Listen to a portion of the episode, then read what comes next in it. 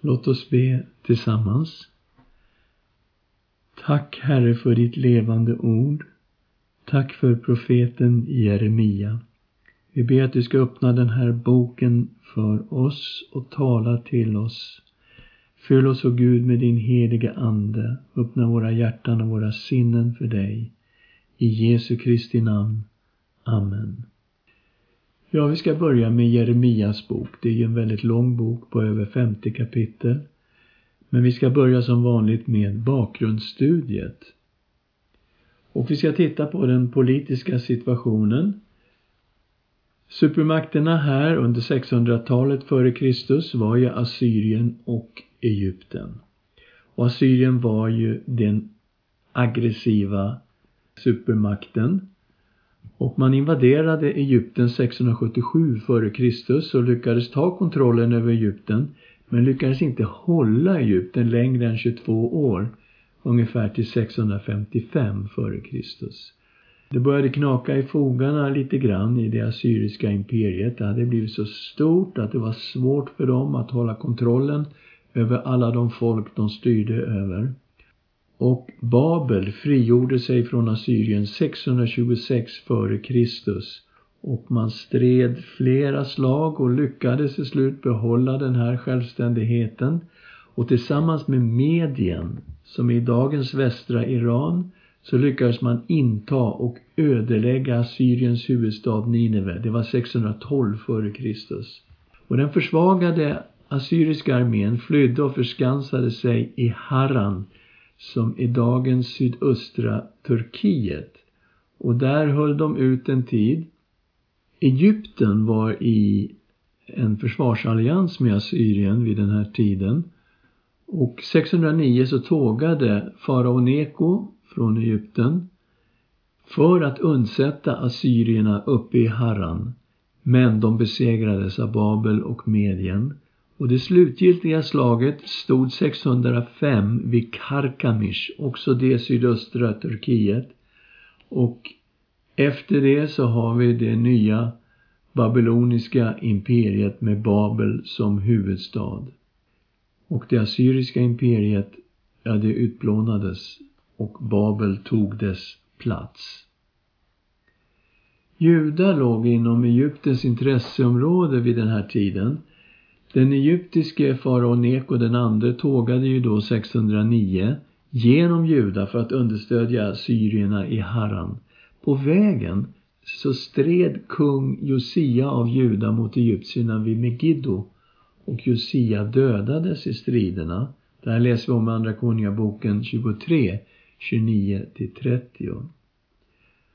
Och efter Egyptiens misslyckade slag vid Haran kom ändå farao Neko till Jerusalem och han tog med sig Josias son kung Joahas till Egypten och istället insattes Joahas bror Joakim som Judas kung, Andra Konungaboken 23.34. År 605 hade det assyriska imperiet upphört, egyptierna hade besegrats och istället var det nu det nya babyloniska imperiet som styrde i regionen. Babel tog kontroll över Jerusalem och förde en grupp fångar till Babel år 605 f.Kr. Däribland Daniel och hans vänner. Andra Konungaboken 24 och 1. Juda var skattepliktigt under Babel och de försökte frigöra sig. Men kung Nebukadnessar av Babel belägrade och intog Jerusalem 597 f.Kr. Han förde juda kung Jojakin tillsammans med 10 000 betydande personer till Babel och bland dem fanns profeten Hesekiel. Det här läser vi om i Andra Konungaboken 24, 1-17. Sidkia, Josias son, blev siste kungen i Juda. Han gjorde uppror mot Babel, Nebukadnessar och Nebukadnessar belägrade då Jerusalem i tre år innan staden ödelades, templet förstördes och judar fördes bort i fångenskap till Babel. Och det här var 586 före Kristus. Vi läser om detta i Andra Konungaboken 25, 1-21. Profeten Jeremia han verkade under dessa fem sista kungar i Juda. Vi möter alla fem i Jeremias bok ska titta lite snabbt på dem. Josia, han var alltså kung mellan 640 till 609 f.Kr. Och han var den då som dödades i striderna mot farao Neko den andre vid Megiddo. Och sen insattes hans son Joahas till kung, men han hann ju inte styra länge. För 609 så kom ju farao Neko till Jerusalem och tog honom till Egypten och insatte istället hans bror Jojakim till att bli kung 609 till 598. Och eh, när han dog så fick Jojakin bli kung och han var son till Jojakim. Men han fick bara styra i tre månader innan Nebukadnessar intog Jerusalem och insatte hans farbror, alltså Josias son, Sidkia till att bli den sista kungen i Juda. 597 till 586 styrde han och 586 så gick Jerusalem och Juda under. Den religiösa situationen i Juda, den var katastrofal vid den här tiden. Och vi behöver faktiskt gå tillbaka ända till Manasse som var Hiskias son. Han hade varit kung i 45 år, mellan 687 till 642. Han hade infört avguderi i hela Juda och faktiskt mer än de folk som hade bott i Kanans land innan Israel. Och vi läser om det här i Andra Konungaboken 21 och 9. Vi ska läsa den versen. Men folket lyssnade inte och Manasse förledde Israels barn så att de gjorde mer ont än det folk som Herren hade utrotat för dem. Dessutom så hade ju ett stort antal oskyldiga människor dödats i Jerusalem. Andra Konungaboken 21 och 16. Dessutom spillde Manasse så mycket oskyldigt blod att det uppfyllde Jerusalem från den ena änden till den andra.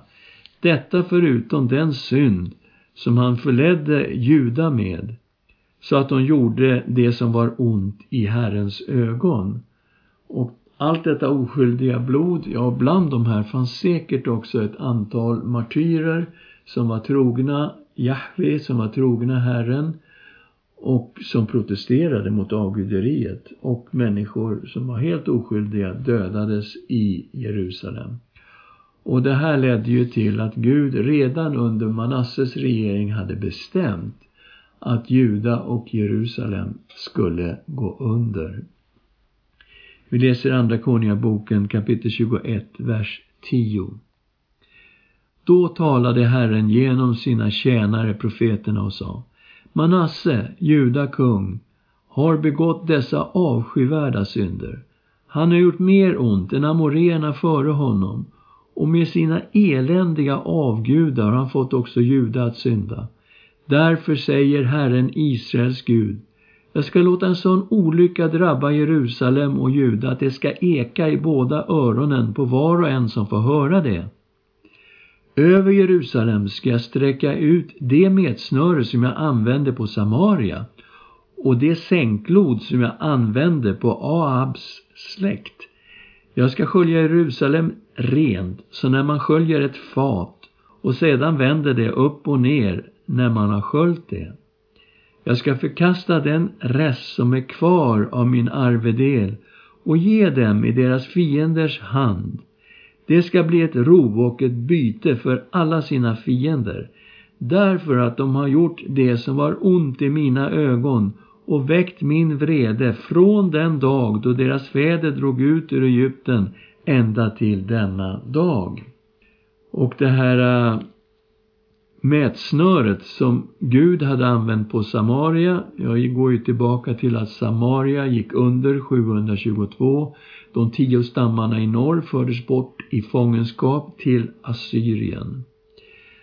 Och när det gällde ett sänklod som man använt på Ahabs släkt Ahab var ju den som hade fört in balstyrkan i Israel, det norra riket, i stor skala under Elias tid på 800-talet.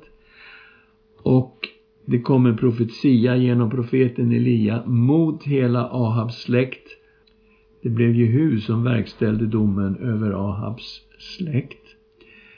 Och på samma sätt ska det då gå för Jerusalem och Juda. Efter Manasse så kom Amnon, hans son, och blev kung. Han var också en avgudadyrkare. Amnon regerade i två år innan han mördades. Och det var ju därför som hans son Josia var bara åtta år när han blev kung. Och det blev han alltså 640 före Kristus. Och det här läser vi om i Andra Konungaboken 22 och 1. Josia han började aktivt söka Herren när han var 16 år gammal. Och vi drog slutsatsen när vi studerade Sefanjas bok att profeten Sefanja, som också var släkt med kung Josia, att han hade en stor del i att Josia faktiskt började söka Herren. Och Josia satte igång med att rensa Jerusalem och Juda från avgudar 628 f.Kr. när han var 20 år gammal.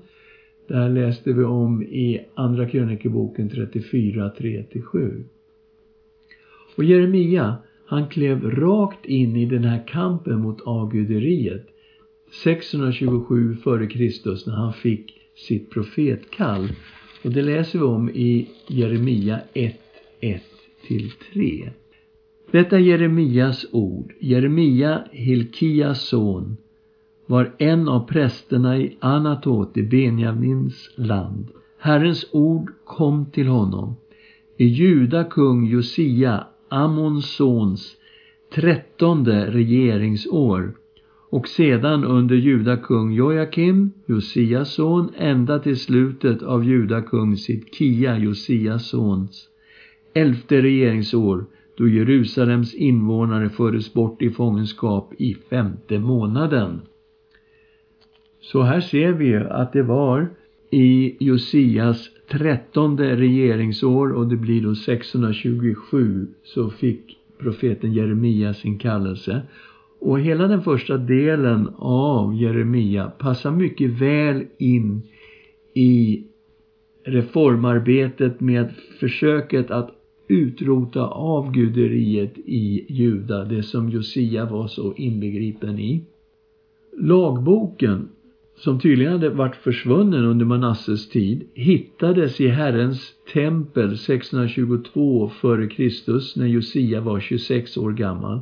Man anar att det kunde vara femte Mosebok som det handlar om. Detta ledde till en omfattande reform Josia försökte utrota avguderiet i hela landet, även i norr faktiskt. Andra Konungaboken 23, 1-23. Men trots Josias ansträngning, som var understött av profeterna Sefania och Jeremia, så var ändå avguderiet fast rotat i de djupa folklagren. Och det här bevisas ju av att avguderiet trots allt fortsatte under de efterföljande kungarna i Juda Josias son Joahas, han fick bara sitta tre månader på tronen innan farao Neko förde iväg honom till Egypten där han till slut dog och det ser vi i Jeremia kapitel 22, vers 10-12 och andra konungaboken 23, 34. Hans bror Joakim insattes som ny kung i Juda 609 f.Kr. Han fick en hård dom och skulle möta en ovärdig död, ser vi i Jeremia kapitel 22, vers 18 19. Och Jeremia framhöll Joakims pappa Josia som ett gott exempel som Joakim faktiskt borde ha följt. Jeremia 22, 15 16. Joakim han försökte frigöra sig från Babel samtidigt som Babel låg i krig med Egypten så han passade på då, tänkte nu kan jag frigöra mig ifrån Babel och skattetrycket som vi har på oss och bli självständiga. Men det ledde till att Babel än en gång tog kontroll över Jerusalem 598 till 597 f.Kr. Jojakims son Jojakin, som också kallades Konja, fick vara kung i tre månader innan han tillsammans med profeten Esekiel och 10 000 betydande personer fördes som fångar till Babel. Det här läser vi om i Jeremia 22 vers 24 till 30 och Andra Konungaboken 24, 8 till 16. Joakim fick veta att ingen av hans söner skulle få ärva tronen. Jeremia 22 och 30. Så säger Herren, skriv upp den mannen som barnlös, som en man som inte lyckas under sin livstid. För ingen av hans avkomlingar ska lyckas sitta på Davids tron och råda över Juda i framtiden. Och det blev ju verkligen så att de fördes ju till, i, i fångenskap till Babel och istället så insatte Nebukadnessar hans farbror, alltså Josias son, som var Sidkia och han blev den siste kungen i Juda. Och vi läser om honom i Jeremia 21, 1-14 och Andra Konungaboken 24, 17. Han regerade fram till Jerusalems fall 586 f.Kr. när templet och staden ödelades och Juda fördes bort i fångenskap till Babel. Vi ska titta lite mer på Jeremias liv. Jeremia kom från en prästsläkt i staden Anatot. Det låg bara några kilometer nordost om Jerusalem. Han kallades i sin ungdom till att bli profet år 627.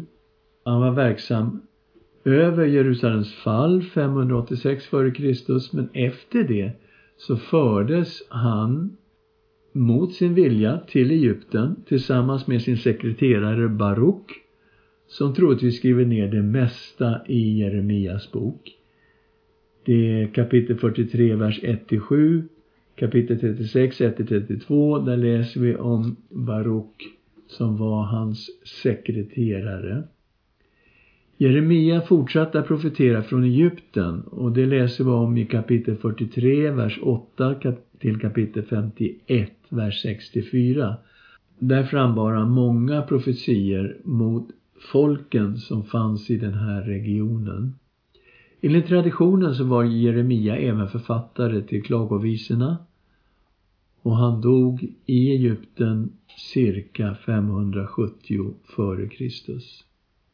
Jeremia själv, han ansåg att han var för ung för att vara Herrens profet när han kallades. Men Gud sa till Jeremia att han var kallad och avskild redan innan han föddes. Och vid sin kallelse fick han veta vad som var hans övergripande uppdrag. Och det här uppdraget är också tolkningsnyckeln för hela boken. Vi läser i kapitel 1, vers 9 och 10. Och Herren räckte ut sin hand och rörde vid min mun och sa till mig Se, jag lägger mina ord i din mun. Jag sätter dig idag över folk och riken för att rycka upp och bryta ner, förgöra och fördärva, bygga upp och plantera. Jeremias liv var mycket svårt. Han kallas ofta för den gråtande profeten. Det kan man se i Jeremias bok, men det är framförallt i klagovisorna som man ser detta gråtande och klagande och sörjande. Och där sörjer han ju över Jerusalems förstöring. Jeremia fick bära fram ett hårt budskap. Han kallade Jerusalem och Juda till omvändelse. Han sörjde över den eländiga situationen i landet och det kan vi se i kapitel 8, vers 18 till 22. Var ska jag få lindring i min sorg? Mitt hjärta är sjukt i mig. Hör dotter, mitt folk ropar från fjärran land. Finns inte Herren mer i Sion? Är hennes kung inte längre där? Varför har de retat mig till vrede med sina bilder och med sina främmande avgudar? Skördetiden är förbi, sommaren är över, men vi har inte blivit räddade. Jag är förkrossad, för dottern mitt folk har krossats. Jag sörjer, förfäran har gripit mig. Finns det ingen balsam i Gilead? Finns där ingen läkare? Varför blir dottern mitt folk inte botad? Och här möter vi alltså den sörjande profeten Jeremia. Han gick in i förbön och han bekände sitt folks synd, kapitel 14, vers 19 till 21. Har du helt förkastat Juda? Känner du avsky för Sion? Eller varför har det slagit oss så att ingen kan bota oss? Jag väntar på välgång, men inget gott kommer. På en tid med läkedom, men se skräck råder. Herre, vi erkänner vår ondska och våra fäders missgärning att vi har syndat mot dig. För ditt namns skull, förkasta oss inte. Låt inte din härlighets tron bli föraktad. Kom ihåg ditt förbund med oss och bryt det inte. Kan någon av hedna folkens tomma avgudar ge regn? Kan himlen av sig själv låta skurar falla? Nej, bara du, Herre vår Gud, vi hoppas på dig, för du har gjort allt detta. Men det fanns inget som kunde hindra domen, för folket ville inte omvända sig. Jerusalem och templet skulle komma att förstöras, kapitel 9, vers 11 till 16. Jag ska göra Jerusalem till ett stenröse, till en boning för schakaler och Judas städer till en ödemark där ingen bor. Vem är så vis att han förstår detta? Och till vem har Herrens mun talat? Så att han, han kan förklara varför landet har blivit så fördärvat, förbränt som en öken där ingen färdas. Herren svarade, det är för att de har övergett min undervisning som jag gav dem. De har inte lyssnat till min röst och inte följt den, utan vandrat efter sina hårda hjärtan och följt balerna, så som deras fäder lärde dem.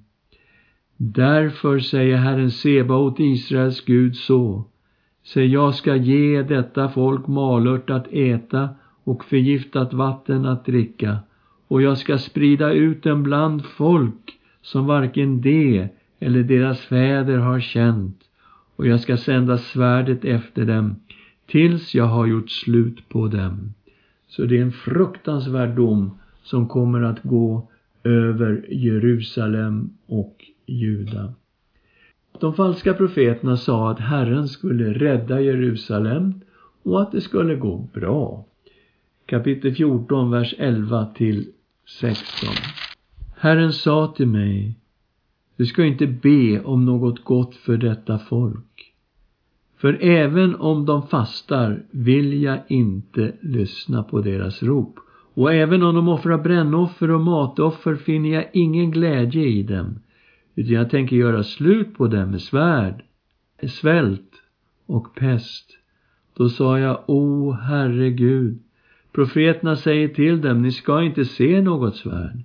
Inte heller ska svält drabba er utan jag ska ge er en varaktig fred på denna plats. Men Herren sa till mig, profeterna profeterar lögn i mitt namn. Jag har inte sänt dem eller befallt dem eller talat till dem. Falska syner, tomma spådomar, löst prat och sina hjärtans bedrägerier är vad de profeterar för er. Därför säger Herren så om de profeter som profeterat i mitt namn fast jag inte har sänt dem. De som säger att svärd och svält inte ska komma i detta land. Genom svärd och svält ska dessa profeter gå under. Och folket som de profeterar för, männen och deras hustrur, söner och döttrar, ska kastas ut på Jerusalems gator, slagna av svält och svärd och ingen ska begrava dem. Jag ska låta deras ondska drabba dem själva. Och här ser vi ju att de falska profeterna genomgående i profeten Jeremias bok och i alla profetböckerna, de sa det som folk ville höra. De talade sådant som var politiskt korrekt. Men Herrens profeter, de talade sanningen. De ledande i staden och de falska profeterna, de blev ju ursinniga på Jeremia och ville döda honom när han profeterade mot templet. Det kan vi se i kapitel 26, vers 4 till 11. Men det fanns också några som ville rädda Jeremia från att lynchas. Och de kom ihåg profeten Mikas ord hundra år tidigare. Mika hade profeterat samma budskap mot Jerusalem och templet. Och det här kan vi läsa om i kapitel 26, vers 17 till 19. Några av de äldste i landet reste sig då och sa till folkets hela församling. Mika från Moreshet profeterade på Juda kung Hiskias tid och sa till hela Juda folk, så säger Herren Sebaot, Sion ska plöjas upp till en åker, Jerusalem bli en stenhop och tempelberget en skogsbevuxen höjd. Men lät Juda kung Hiskia med hela Juda döda honom? Fruktade han inte istället Herren och bad till honom så att Herren ångrade det onda som han hade talat emot dem? Drar vi inte själva över oss mycket ont nu? Och det här var ju en vers som vi faktiskt finner i Mikas bok. Och det är i Mika kapitel 3, vers 12. Och att de verkligen hade kunnat döda Jeremia, det visade sig när de faktiskt dödade profeten Uria som bar fram samma budskap mot Jerusalem i Jeremia kapitel 26, vers 20. Där fanns också en annan man som profeterade i Herrens namn, Uria, Shemajas son, från Kirjat Jearim. Han profeterade mot denna stad och detta land precis som Jeremia hade gjort.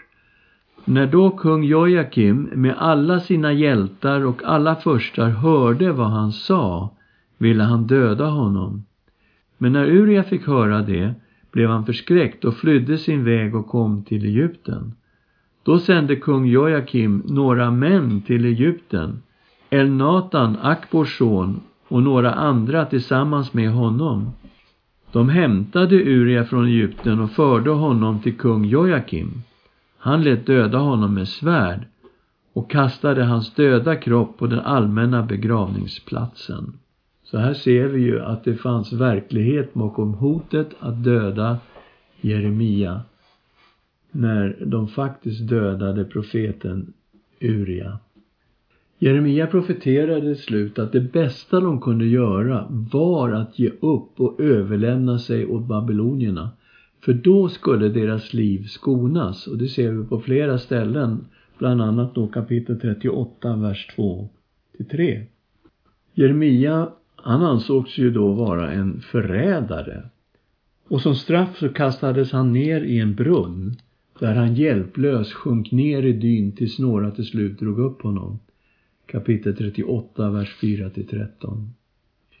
Jeremia profeterade 605 att fångenskapen i Babel, den skulle vara i 70 år. Det ser vi kapitel 25, vers 11-14. De falska profeterna, de sa att fångenskapen den skulle snart ta slut och de skulle snart få komma tillbaka. Jeremia fick då uppdrag av Herren att skriva ett brev till dem som redan hade förts bort. Han skrev att de skulle förbereda sig på en lång tid i Babel och att det skulle ta 70 år. Och det här ser vi i kapitel 29, vers 4 till 11. Så säger Herren Sebaot Israels Gud till alla de fångar som jag har låtit föra bort från Jerusalem till Babel. Bygg hus och bo i dem. Plantera trädgårdar och ät deras frukt. Ta er hustrur och föd söner och döttrar. Ta hustru åt era söner, gift bort era döttrar, så att de föder söner och döttrar. Föröka er där och bli inte färre och sök den stads bästa dit jag har fört er i fångenskap och be för den till Herren. När det går väl för den, går det väl för er. För så säger Herren Sebaot, Israels Gud, låt er inte luras av de profeter som finns bland er, inte heller av era spåmän. Lyssna inte till de drömmar som ni drömmer, för de profeterar lögn för er i mitt namn. Jag har inte sänt dem, säger Herren. För så säger Herren, när 70 år har gått för Babel ska jag ta mig an er och uppfylla mitt löfte och föra er tillbaka till denna plats. Jag vet vilka tankar jag har för er, säger Herren, nämligen fridens tankar och inte ofärdens, för att ge er en framtid och ett hopp. Så här kommer ett brev som Gud har dikterat till Jeremia och som är riktat till fångarna i Babel och de ska förbereda sig på att det kommer att ta lång tid, det kommer att ta 70 år. Och Jeremia bekräftade att Herren skulle befria sitt folk ur fångenskapen och att han skulle välsigna dem och att de skulle få återvända till landet. Och det här är de fantastiska kapitlen 30 och 31 och det är i 31 som vi har profetian om det nya förbundet. Daniel han var ju med i den grupp som fördes bort som fångar 605 när den persisk-mediska armén hade intagit Babel 539 f.Kr. Och Daniel han uppfattade att det här var så omvälvande så det här passar in i vad Gud har profeterat genom Jeremia. Och han gick då in i fasta och bön med tanke på Jeremias profetia. Och det här ser vi i Daniel kapitel 9, vers 1 till 5. I Darjaves första regeringsår, han som var son till Ahasveros och av medisk släkt, men hade blivit kung över kaldéernas rike. I hans första regeringsår kom jag, Daniel, att i skrifterna lägga märke till det antal år som enligt Herrens ord till profeten Jeremia skulle fullbordas för Jerusalems ödeläggelse, nämligen 70 år. Jag vände då mitt ansikte till Herren Gud med ivrig bön och åkallan och fastade i säck och aska. Jag bad till Herren min Gud och bekände, O Herre, du store och fruktade Gud, du som håller fast vid förbundet och nåden mot dem som älskar dig och håller dina bud. Vi har syndat och gjort orätt. Vi har varit ogudaktiga och upproriska. Vi har vänt oss bort från dina bud och föreskrifter och så fortsätter Daniel att bekänna folkets synd. Och vi ser här att det är på den här profetian om de 70 åren som Daniel ber och fastar och ropar till Herren. Och vi ser att det var kung Koresh av Persien som lät flera folk återvända till sina ursprungsländer och även judarna fick tillåtelse att återvända till Juda, bygga upp Jerusalem och faktiskt bygga upp templet. Och Esra han skrev om det här faktum att kung Koresh lät fångarna återvända att det måste vara en uppfyllelse av Jeremias profetia om 70 års fångenskap. Vi läser om det i Esra kapitel 1, vers 1-4. Detta hände i den persiske kungen Koresh första regeringsår. För att Herrens ord genom Jeremia skulle uppfyllas påverkade Herren den persiske kungen Koresh sinne så att han över hela sitt rike lät kungöra både muntligt och skriftligt. Så säger Koresh, kung av Persien, Herren, himlens Gud, har gett mig alla riken på jorden och han har befallt mig att bygga ett hus åt honom i Jerusalem i Juda. Den bland er som tillhör hans folk ska bege sig upp till Jerusalem i Juda för att bygga upp Herrens, Israels Guds hus och hans Gud ska vara med honom. Han är den Gud som bor i Jerusalem. Alla som finns kvar på varje ort där de bor som främlingar ska få hjälp av folket på orten. De ska få silver, guld, gods och boskap utöver det som frivilligt ges till Guds hus i Jerusalem.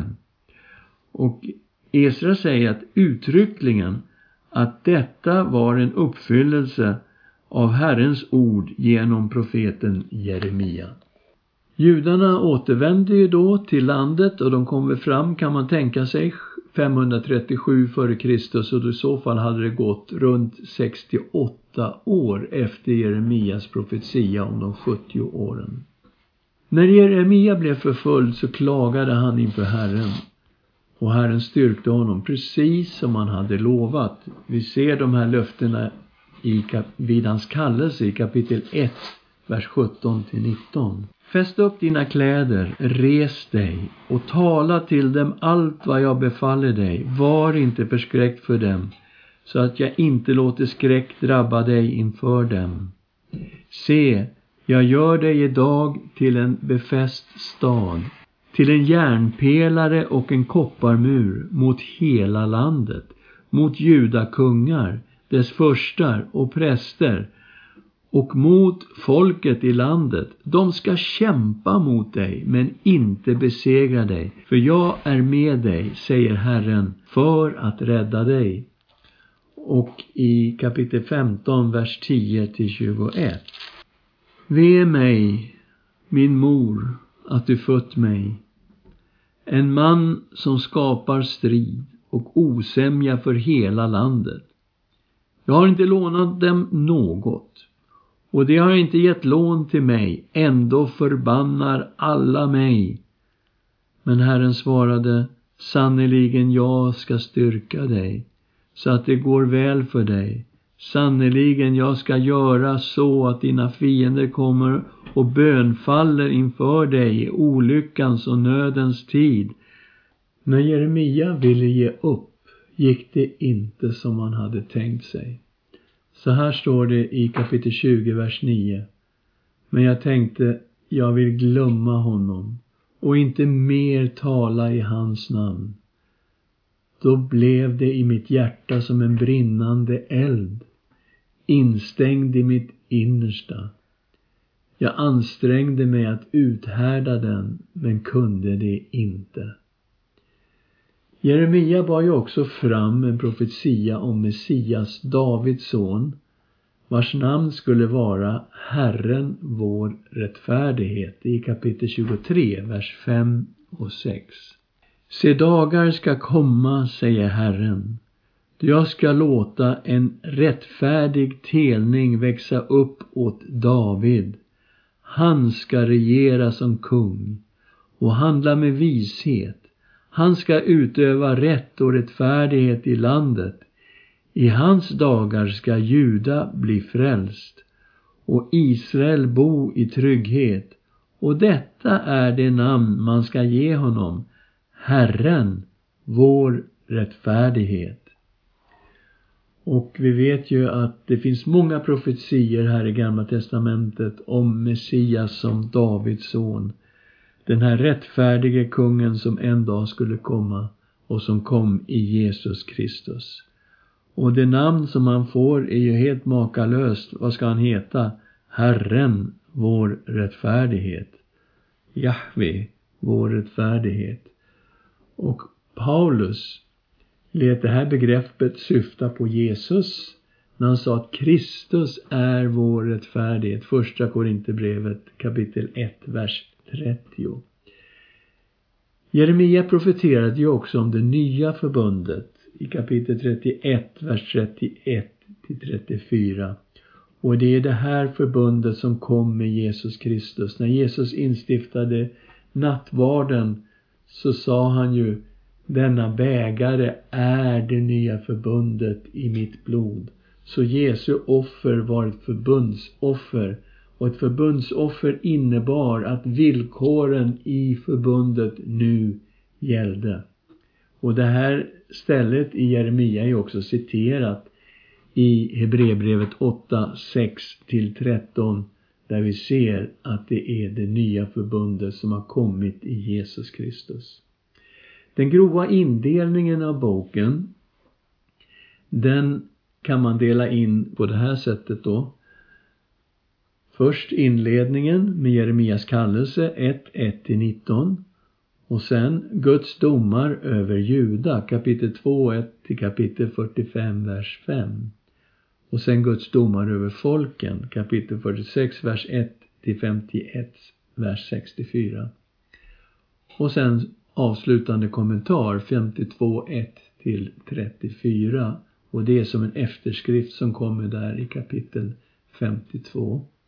Och vi kommer jobba lite grann utifrån just den här indelningen av boken, naturligtvis mycket mer detaljerat än så här.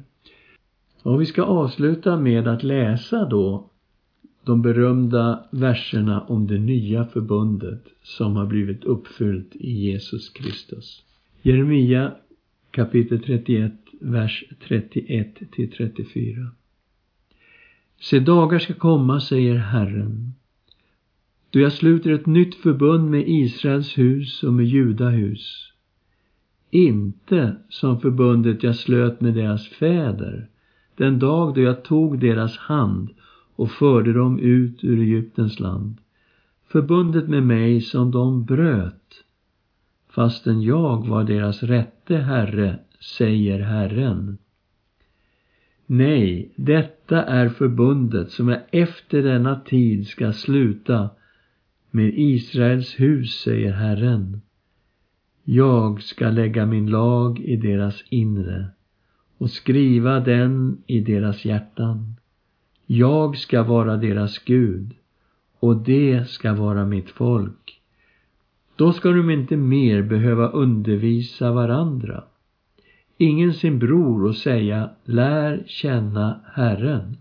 Alla ska känna mig, från den minste av dem till den störste, säger Herren. För jag ska förlåta deras missgärningar och aldrig mer minnas deras synder. Låt oss tacka Herren tillsammans. Tack gode Gud för dina underbara löften och vi lever mitt i dessa löften om det nya förbundet.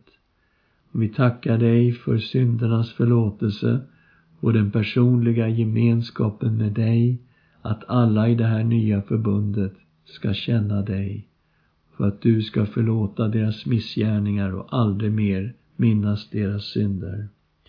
Men vi ser också hur allvarlig den här boken är. Hur dina domar gick över Juda och Jerusalem och hur folket fördes bort i fångenskap till Babel. Och vi vet att det norra riket fördes bort redan 722 i fångenskap till Assyrien. Och hur det här landet som du hade gett till Israels folk inte längre var bebott av vare sig de norra stammarna eller av Juda. Vi förstår att det här är mycket allvarligt.